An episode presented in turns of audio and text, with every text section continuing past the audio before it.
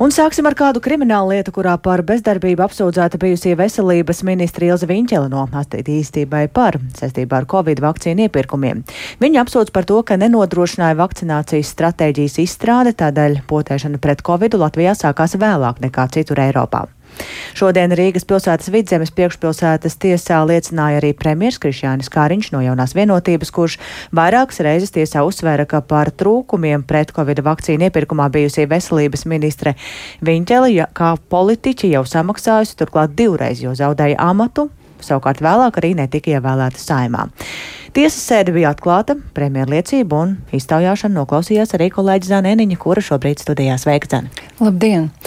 Atgādināšu, ka notikumi, kas saistās ar šo kriminālu lietu, risinājās 2020. gada beigās un 2021. gada sākumā, laikā, kad Latviju bija pārņēmis jau otrais Covid vilnis.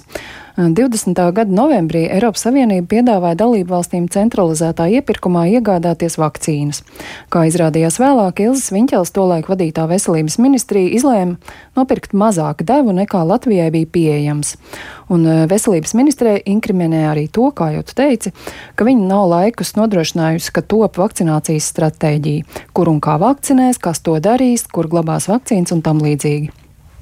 Tā kā kopš tā laika jau pagājuši gadi, eh, premjeram Krišjānam Kariņam daudzas detaļas bija piemirsušās, taču viņš pauda, ka tolaik lēmumu pieņemt juceklīgos apstākļos, gandrīz kā karā, tikai vēl sarežģītāk, jo pretinieks vīrus mm, bija neredzams un nepazīstams.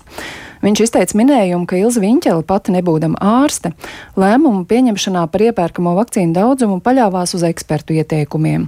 Un tikai vēlāk, kad Igaunijas ārlietu ministrs sazinājies ar Latvijas kolēģi un izrādījis pārsteigumu, ka šeit grasās iepirkt tik maz devu, eh, tikai tad nācis gaismā, ka Latvijai pieejams ievērojami lielāks vakcīnu daudzums. Eh, tā kā vakcinācijas jautājumā premjeras ar Ilzi Viņķeli nesot sapraties, galu galā viņš izlēms viņu no amata atlaist. Tas notika 21. gada sākumā. Drīz pēc tam viņa vietā šajā amatā stājās Daniels Pavļots, arī no attīstībai par. Un tad bija gan stratēģija, gan sākās vakcinācija. Tiesa gan atbildot uz jautājumiem, premjeras atzina, ka tad par vakcīnām jau bija zināms daudz vairāk nekā iepriekšējā gada rudenī. Izvaicāt liecinieku bija iespēja arī apsūdzētajai. Paklausīsimies nelielu fragmentu. Kā jums vai jūs varat atsaukt atmiņā Kad jūs un kā man informējāt par to, ka jūs pieprasīsiet manu demisiju? To es neatceros, bet es pieņemu, ka tas bija tajā pašā dienā, kad es to demisiju pieprasīju. Jo es arī nebiju informējis savus partijas biedrus. Tas, nu, tas bija pēc, es neatceros, laikam, trešā reize, kad mēs politiski bijām teiksim, pretējos uzskatos, vai uzdevums ir vai nav izpildīts. Es to darbību gribēju izbeigt, un tad arī informēju, informēju savas partijas biedrus un informēju koalīcijas deputātus. Un es pat varu teikt tālāk, ka tas, ko es sagaidīju, ka tajā pašā dienā valdība beigtu pastāvēt vai vismaz koalīcija izbeigtu. Valdība toreiz tomēr neizjuka. Ilzi Viņķela atlaida no amata 21. gada 5. janvārī. Eh, taču tas nebija vienīgais jautājums, ko bijusī ministra uzdeva premjeram. Paklausīsimies vēl vienu. Vai jūs varat atcelt atmiņā uh, to, ka uh, mums viena no lielākajām nesaskaņām vakcinācijas plāna uh, sakarā bija veselības ministrijas un līdz ar to arī manas piedāvātā pieeja pamatā akcentu likt uz ģimenes ārstu praksē. Uh, savukārt jums šķita, ka tas kaut kāda apsvēruma dēļ nebūtu jāorganizē šādā veidā. Jā, apmēram tā bija.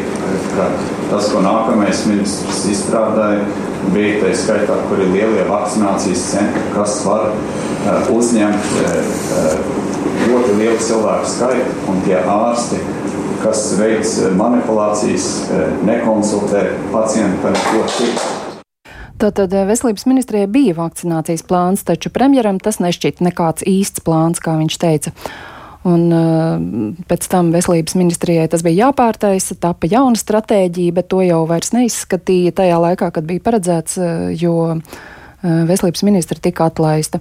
Un vēl jāsaka, ka premjeri izvaicāja, protams, arī tiesnese Zāne Aldiņa, prokurors Gins Bērziņš un Ilzas Viņķēlas advokāte Sanita Bokta Strautmana. Jautājumi attiecās gan uz dažādiem faktiem un, un saistībā ar vakcināciju, gan arī deva iespēju Krišānam Kariņam izteikt viedokli, ko viņš arī nekavējās izmantot. Un tas tātad par tiesas sēdu, kā tā šodien beidzās, un ja gadījumā viņš jau atzīs par vainīgu, kas viņai šādā gadījumā draud? Tiesa šodien nebeidz skatīt šo lietu. Krišāņa Kariņa liecības uzklausīšana jau ilga vairākas stundas, un izskatīšana vēl turpināsies citā dienā. Bet par sodu runājot, saskaņā ar attiecīgo kriminālu likumu pantu, es ieskatījos krimināla likumā, par valsts amatpersonas bezdarbību var sodīt ar brīvības atņemšanu uz laiku līdz trim gadiem, vai ir īslaicīga brīvības atņemšana, vai ar probācijas uzraudzību, vai ar sabiedrisko darbu, vai ar naudas sodu.